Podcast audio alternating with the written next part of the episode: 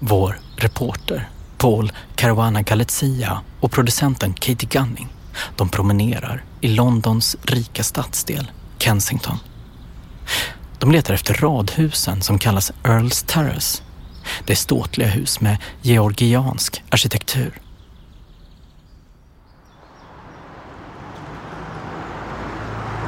So we're walking up Earls Terrace, a row of Georgian houses um, just off Kensington High Street.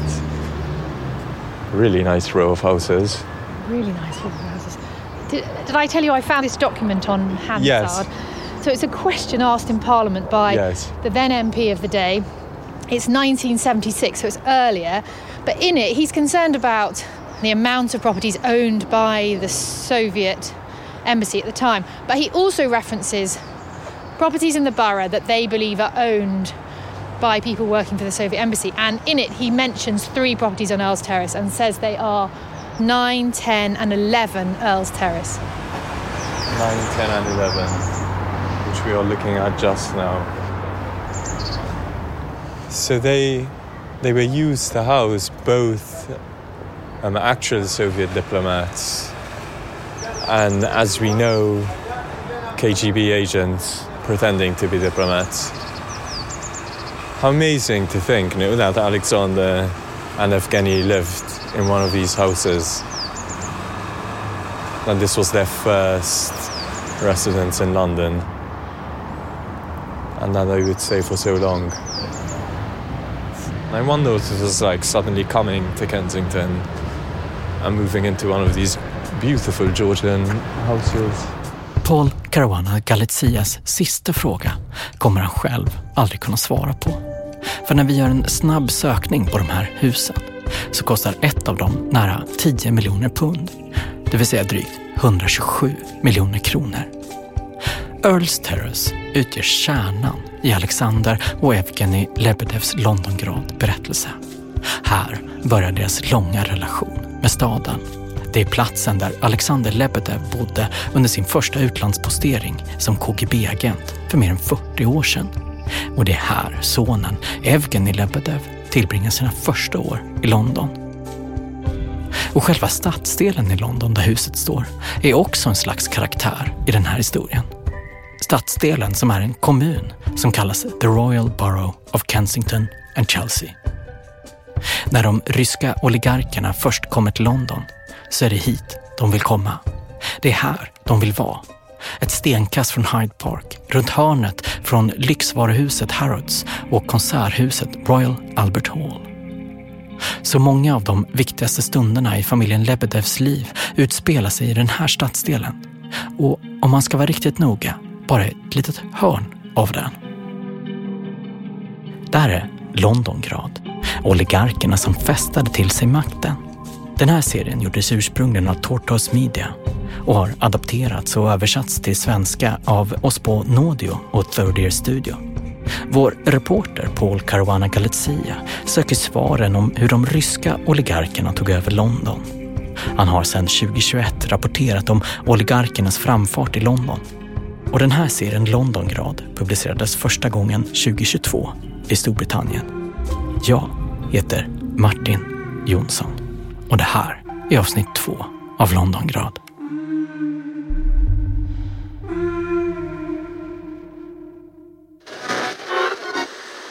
So let me first introduce myself. Um,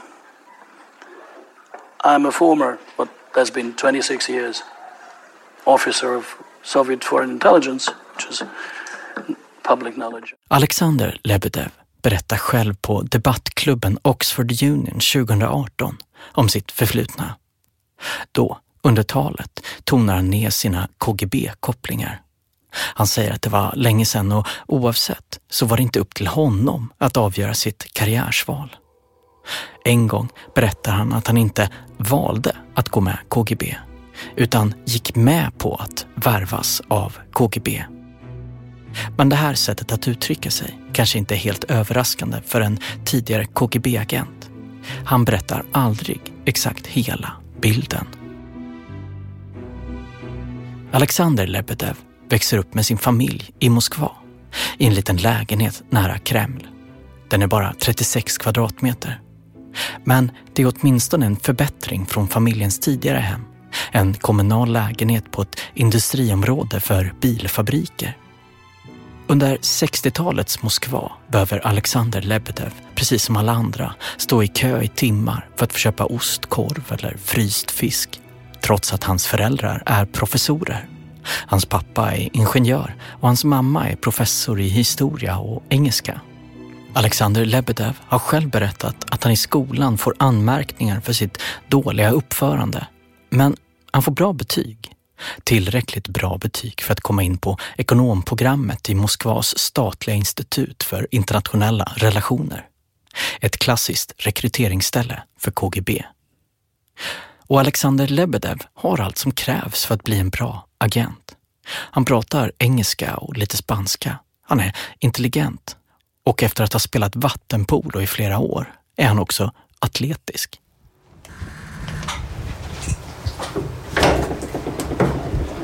Hello, come on in. Thank you. Down to the left. My name's Roderick Braithwaite, and I really spent most of my professional life dealing with Russia in one way or another. Sir Roderick, han pratar ödmjukt om sig själv. Det här är delar av hans riktiga resumé. Det brittiska utrikesdepartementet skickar honom först till Moskva på 60-talet. Där blir till slut Sir Roderick Storbritanniens ambassadör från 88 till 1991. Sir Roderick bjuder vår reporter Paul Garuana Galizia på te och digestivekex och berättar om hur Alexander Lebedev blev värvad till KGB. They really believed that they were the guardians of the state. Without them, the state would fall apart. It may sound ridiculous to us, but that, that is what a lot of them believed. It's what Putin believed. It's why he wanted to join the KGB. They were super patriots.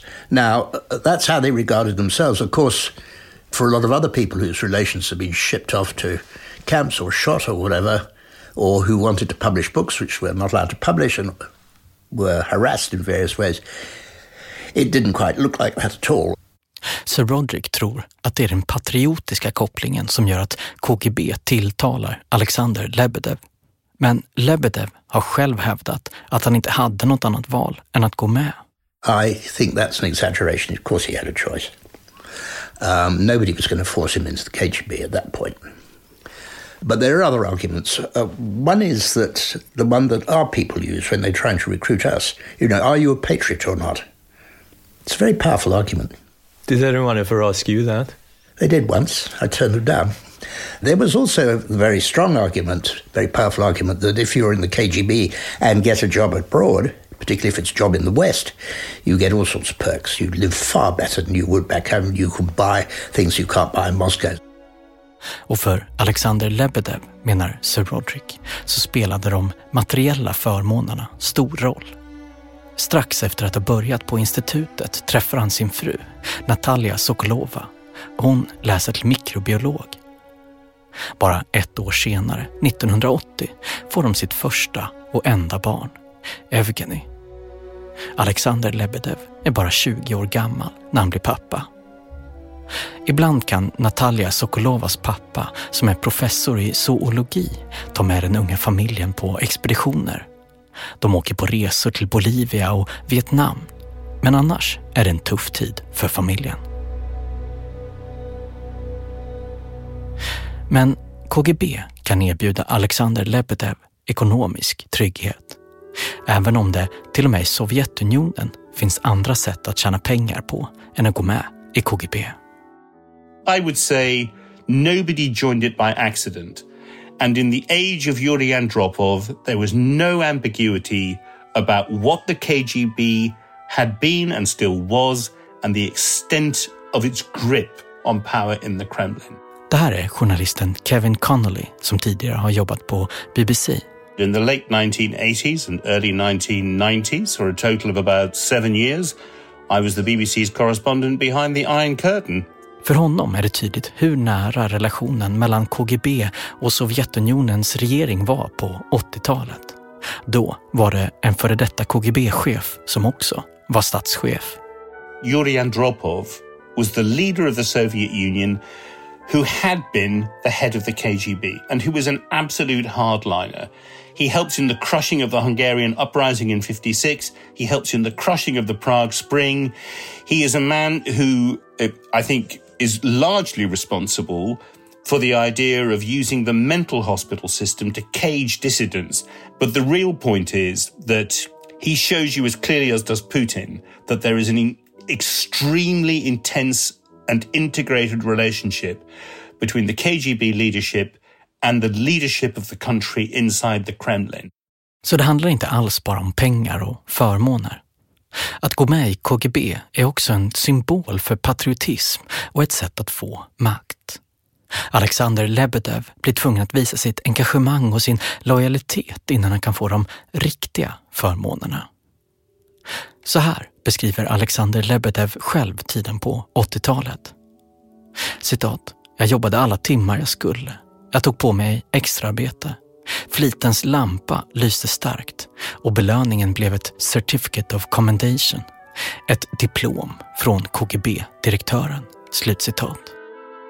Lebedev går först från att vara översättare till att jobba på den utländska underrättelseavdelningen. Och 1988 skickas han till sin första riktiga postering. Det blir till den sovjetiska ambassaden i London, i Kensington.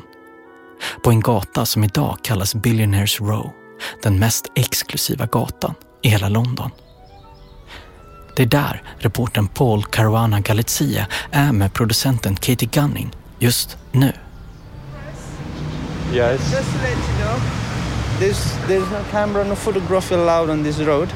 If you wish to take any video, anything, it has to be done just outside from the uh, gate. Okay, we're not no cameras. When there's no camera or um, we're not you- taking you- any yeah, images, you- just you, sound. You kind of do the, the thing as well. Yeah, we can't record. you cannot. Why not? It's not allowed on this road. The press. The press aren't allowed on this on road. Yeah, that's the uh, the crown sta- uh, crown state it's the law. I Kensington Palace Gardens ligger några av de dyraste fastigheterna i huvudstaden. Och tydligen med regler om att man inte får promenera med en mikrofon. Men det gör vi ändå, bara utan att spela in. Det är en tyst gata. Det är några få bilar, en och en annan person som promenerar. Längst bak på gatan ligger Kensington Palace där prins William och prinsessan Camilla bor. Och som på beställning, när vi går ner för gatan, passerar en kortege med prinsen i, med svarta Range Rovers. Vi går förbi oligarken Roman Abramovic 15-rums herrgård, nu värderad till 150 miljoner pund. Det är 1,9 miljarder kronor. Men hans hus är inte den enda som ägs av en välbärgad ryss. Och det här inte den enda gatan som de har flyttat till. Runt om i både Kensington och Chelsea finns det stora herrgårdar som tillhör oligarker.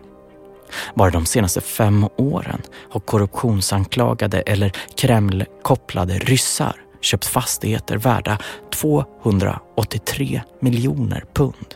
Det är alltså 3,6 miljarder kronor. So we've just come on a footpath away from Holland Park to an area where there are a large number of fairly new build luxury apartments and townhouses. Det här är Joe Powell, en boende i Kensington som grundade föreningen Kensington Against Dirty Money. Uh, we have the highest house prices in the country. We also have the highest inequality level in the country. Um, one in four kids growing up in poverty, and we have four of the top 10 most expensive streets in England. Kensington har flest byggnader i landet med anonyma ägare. Det är ett vanligt sätt att äga fastigheter i London. Var tionde lägenhet och hus i London ägs idag av anonyma brevlådeföretag i skatteparadis. So it's a borough where, you know, a lot of people with extreme wealth have been attracted for, for many years. And also the house prices are pretty insulated here. So if you buy an expensive luxury property, you can be pretty sure that that's not going to decrease in value. So it's a, it's a great asset to own. I början av avsnittet frågar sig Paul Caruana Galizia hur det känts för Alexander Lebedev När han kom från ett förhållandevis hårt liv i Moskva utan större materiella tillgångar och plötsligt befann sig på en vacker och lyxig villa i georgiansk stil mitt i Kensington. I always try to explain it to people by saying that crossing the Iron Curtain going east, as I did, was like having a coloured television set all your life and then suddenly having to watch a black and white one. Den tidigare BBC-journalisten Kevin Connolly har ett bra svar på det. I imagine if you're the young Alexander Lebedev starting your first foreign postings for the KGB, it's exactly the same, but the other way around. Like suddenly having a color TV, everything is more vivid, everything is more prosperous, everything is more comfortable, everything is safer, cars are better, food is better, supermarkets are better stocked, the street lights are brighter, private houses are more brightly lit. There's almost nothing that isn't different. På 80-talet ligger den sovjetiska ambassaden här i Kensington bara en kort promenad från det lyxiga huset i Earls Terrace. Alexander Lebedev har tidigare berättat att hans jobb på den sovjetiska ambassaden det är att läsa brittiska tidningar. Han ska hitta tecken på att kapitalismen håller på att misslyckas. Men KGB-agenter skickas inte till London bara för att läsa tidningar. Det är utlandstjänster som reserveras till de bästa. Vad Alexander Lebedev egentligen gör är att övervaka. Det kan vara förhandlingar om vapenkontroller, handel och NATO. Och han ska också övervaka brittiska politiker. Utanför kontoret skjutsar Alexander Lebedev runt nyrika från Ryssland i sin lilla Ford. Några av dem sover också över hemma hos honom. Till exempel Sergej Rodionov en direktör på ryska centralbanken eller Oleg Boyko som säljer begagnade amerikanska datorer till ryssar. Hans ambassadkollegor minns Alexander Lebedev som en ensling. Han gör sina säkerhetsanalyser själv i ett låst rum på högsta våningen. Under deras regelbundna spritfester sitter Alexander Lebedev ensam i ett hörn och varken dansar eller skämtar. Vid den här tiden tjänar Alexander Lebedev bara några hundra pund i månaden. Men han ser hur de här männen slösar pengar på nattklubbar och krogar. De viftar runt med sina sedelbuntar. Det är som Alexander Lebedev senare beskriver det, en ögonöppnare. Männen med sedelbuntarna är de som har blivit nyrika på Gorbatjovs marknadsreformer i Sovjetunionen.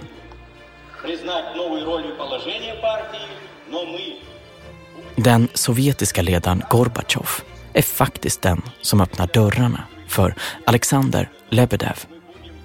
På något sätt, efter väldigt mycket lobbande, får Alexander Lebedev till slut ett möte med Gorbatjov.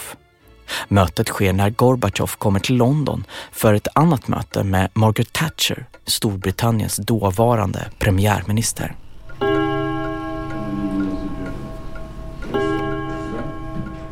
Mötet äger rum klockan två på natten tillsammans med 20 andra sovjetiska sändebud. Alla sitter i ett rum med tjock cigarettrök och störsändare är utplacerade för att göra det svårt att bugga samtalet. Här tar nu Alexander Lebedev sin chans och han varnar Gorbatjov. Han säger att Sovjetunionen är på väg att misslyckas att betala sin statsskuld och att hela Sovjetunionen är på väg att gå i konkurs. De andra 20 sovjetiska sändebuden och agenterna, de är knäpptysta. Men Alexander Lebedev, han gör ett gott intryck på Gorbatjov. För det han förutspår ska senare visa sig stämma. 11 Soviet republics agreed to form a new Commonwealth of Independent States today and consigned the Soviet Union to history. 1991 kollapsar Sovjetunionens ekonomi. Inom en vecka så beslutar Ryssland, Ukraina och Belarus att upplösa unionen. Några veckor senare håller Gorbatjov sitt avskedstal. After six and a half years in power, Mikhail Gorbachev confirmed his resignation on television tonight. Я покидаю свой пост с тревогой. Alexander Lebedev är vid det här laget överstelöjtnant och arbetar fortfarande undercover för den ryska staten i London. Och nu har KGB förvandlats till FSB, Rysslands säkerhetstjänst. Och det är mot FSBs regler att starta företag när du samtidigt har utlandstjänst. Men Alexander Lebedev vill nu väldigt gärna hänge sig åt kapitalism. Så han gör det ändå. Han döper ett av företagen till Millit, en sammanslagning av ordet “make a million in a minute”. Snart befinner han sig också mitt i en utredning av FSBs kontraspionage, anklagad för vad han menar är ogrunda misstankar för en otrohetsaffär med hustrun till en senior diplomat. Men 1992 är det egentligen hans nystartade företag som gör att han kallas tillbaka till Moskva. Och på ett sätt så har han tur i oturen. Det är just då som Ryssland är det land i världen där du kan tjäna stora pengar på väldigt kort tid om du är en av få utvalda.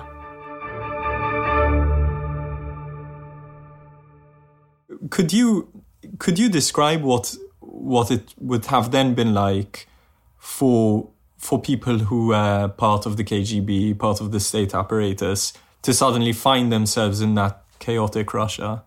It was an extraordinarily difficult moment. BBC-journalisten Kevin Connolly igen. I think nobody who lives in what we used to call the free world has ever experienced anything quite like it. But if you had been overseas like Alexander Lebedev, spying on your country's enemies, gathering information, uh, defending the system, the idea that suddenly it has disintegrated must have been extremely psychologically difficult.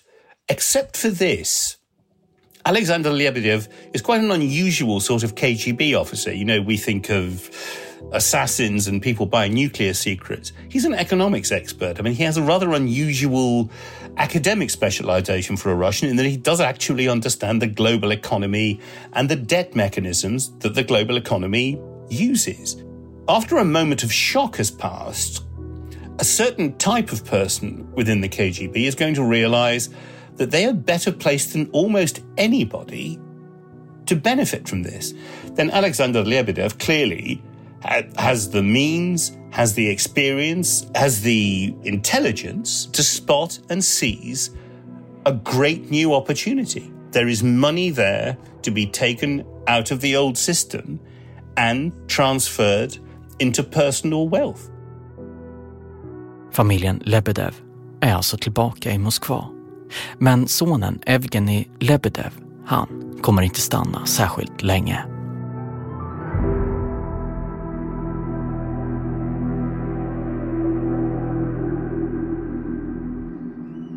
1988, några år innan Sovjetunionens kollaps, kommer den då åttaårige Evgenij Lebedev till London för första gången. Då byter hans föräldrar också skola på en gång. De byter från den sovjetiska ambassadens egna skola till Engelska kyrkans, bara tre minuters promenad från Earls Terrace. Skolan heter St. Barnabas och St. Philips. Så som Evgenij Lebedev själv har berättat om det var det en väldigt trevlig upplevelse att vara elev på skolan eftersom han kände sig så välkomnad av de andra eleverna.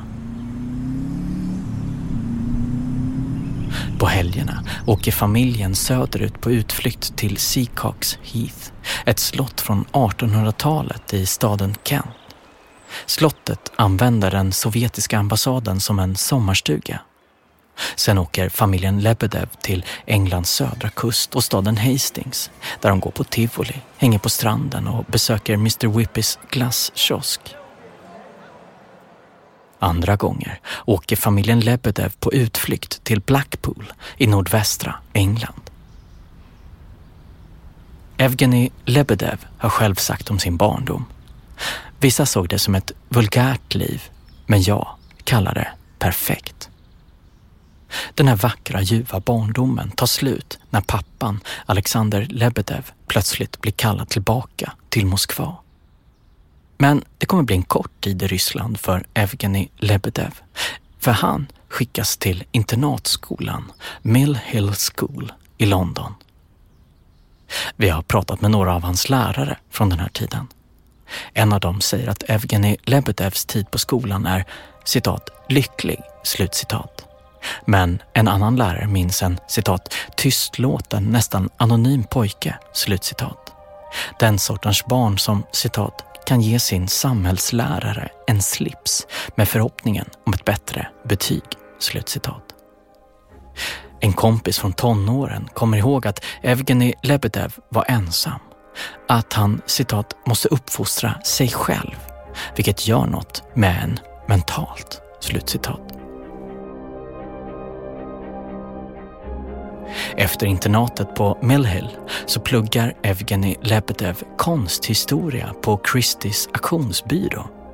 Det är en eftertraktad kurs hos planlösa barn till förmögna familjer. Men snart lämnar han den kursen också.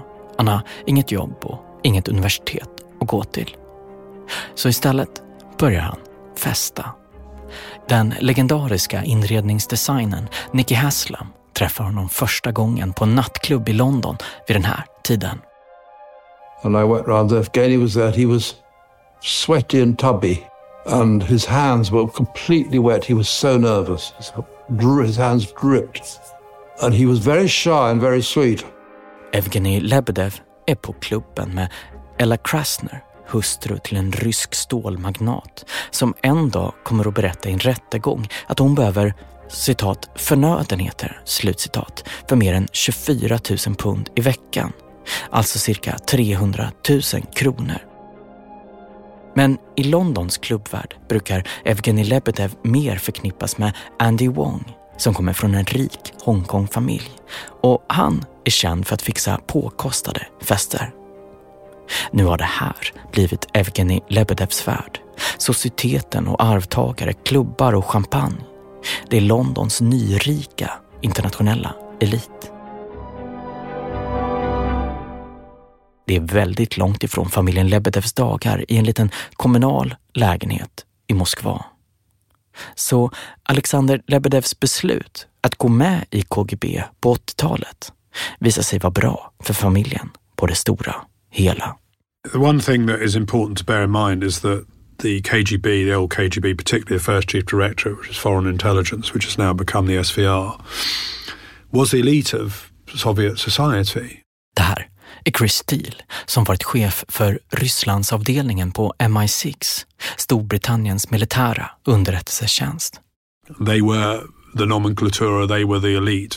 Therefore, it's not perhaps that surprising that they were able to reinvent themselves um, after the collapse of the Soviet Union into being business folk and lawyers and press barons and journalists or whatever they happen to become. I verkligheten är det bara en liten grupp människor som drar nytta av den här tidens chockliberalisering av ekonomin i Ryssland. Det är alltså oligarkerna. The oligarchs um, were what I would describe as the sharpest elbowed people. Där är Bill Browder, under 90-talet och i början av 00-talet är han den största utländska investeraren i Ryssland. Men 2005 blir han utvisad till Storbritannien för att han drivit en kampanj mot korruption. Och han anses vara ett hot mot Rysslands nationella säkerhet. When I went out there, I, I, started investing in shares of newly privatized companies. These were kind of like the crumbs that fell off the table that the oligarchs didn't get hold of. And those crumbs were incredibly valuable as well. Några av de där smulorna som finns kvar är aktier i Gazprom. Det är världens största gasbolag. Det är vad Bill Browder beskriver som ett genomruttet bolag. Det är dåligt skött och gasreserverna skäls öppet av anställda och aktieägare. Från starten styrs bolaget mestadels från Kreml och så är det än idag. Bill Browders strategi vid den här tiden är att först köpa Gazprom-aktier och sen som aktieägare pressa fram förändring i företagsstyrningen, vilket i sin tur ökar priset på aktien. Det är också då han träffar Alexander Lebedev. He's a charming man. He's, he's um, you know, very urbane, um, sophisticated, speaks English perfectly with, with a sort of uh, KGB trained English accent. You can spot these KGB guys because they all have the same English accent. They must have all gone to the same language institute. Well dressed, very great host, charming. You know, he, he, he fits the bill of a billionaire oligarch. Bill Browder börjar sin bana med investeringar i Ryssland 1995. Det är samma år som Alexander Lebedev köper en bank. Alexander Lebedev was the owner of, of a, a mid-sized bank called National Reserve Bank. And as far as I could tell, the main asset of the bank was a large shareholding of Gazprom. And so every year um, before the annual general meeting of Gazprom, we would go to him and ask him if he would vote his shares um, for our candidate for the board of Gazprom on the anti corruption ticket. And uh, every year we had very sort of, I would call, engaged conversations with him. And I believe that in some years he actually voted with us. I see. So he was he was on the good side. Um, well, he he was certainly um, flirting with the good side, um, being on the good side. I mean, so how did he end up owning this bank and ending yes. up with all this gas from? I don't know. I can't imagine that that it was through graft and hard work, but uh, um, but you know, maybe it was. Who knows? Maybe uh, minimum wage. Uh, uh, or uh, through crafty investments. Um, but but he ended up owning a lot of Gazprom. How much do you like? Are we talking H- hundreds of millions of dollars, um, maybe even more, maybe a billion dollars of Gazprom. Alexander Lebedev påstår att han köpte banken genom ett öppet anbudsförfarande och att han tjänat in sina miljarder eftersom han är en citat ekonomisk Mozart. Slutcitat. Det kanske inte är hela sanningen. Do you think that could have happened without his connections to, to former KGB officers? Paul Caruana Galizia frågar den tidigare MI6-chefen Chris Steele igen. My own view is no. My opinion is that networking is fundamental to understanding how the shakedown of the Russian economy happened in the 1990s. I mean, this is not a normal economy we're talking about. We're talking about mass privatization, which was hugely exploited by a small number of people at the top. I själva verket tjänar Alexander Lebedev pengarna till köpet av banken på ett annat sätt. Han tjänar pengar genom att sälja obligationer på en speciell börs som styrs av tidigare tjänstemän för Sovjetregeringen. De rika männen som Alexander Lebedev körde runt i London med i sin lilla Ford på 80-talet. De är nu tjänstemän med tillgångar och kontakter som Alexander Lebedev behöver. Alexander Lebedevs nya bank tar nu också över lån som Sovjetunionen tidigare har gett till utländska företag och banken köper också aktier i Gazprom. Vid varje steg finns det en koppling till FSB, Rysslands säkerhetstjänst. Och Alexander Lebedevs förflutna i KGB gör skillnad. Han försöker till och med vid ett tillfälle köpa en staty av KGBs grundare för att placera i lobbyn på banken. Men nu, nu börjar vi närma oss slutet av 1990-talet. Alexander Lebedev han har skilt sig från sin fru Natalia Lebedev och hans bank har vuxit till den största i hela Ryssland. Pengarna har förändrat honom. Efter en fest hemma hos Natalia Lebedevs pappa i Moskva springer hon ut på gatan gråtandes. Hon ropar ut citat, han är en hemsk man. En hemsk man. Slutcitat. Alexander Lebedev är på god väg att bli miljardär. Men i bakgrunden finns en annan tidigare överstelöjtnant från KGB. En man vars karriär också ska skjuta i höjden och högre än alla andra. Дорогие друзья, сегодня в новогоднюю ночь я, как и вы, с родными и друзьями Året är 1999 och Vladimir Putin som tidigare varit chef för säkerhetstjänsten FSB är nu premiärminister i Ryssland. Men han vill ha mer. Han är inte nöjd. Den tidigare brittiska ambassadören Sir Roderick, som vi hörde i början av avsnittet, menar att Putin ser sig själv som en superpatriot som spelar på vanliga medborgares önskan om lag och ordning under det ekonomiska tumultet under den här tiden. Den tidigare MI6-chefen Chris Steele igen. For me, the great watershed is the apartment bombings of 1999, where several blocks of flats in Moscow and elsewhere were blown up, killing hundreds of Russians. And the blame was put on the Chechens and used as a justification for a che- second Chechen war and whipping up nationalism and Putin's path to power. Whereas most of us who have looked, studied this carefully strongly believe that the FSB themselves were behind the apartment bombings and it was a provocation or a false flag operation, as, as we call it in our business.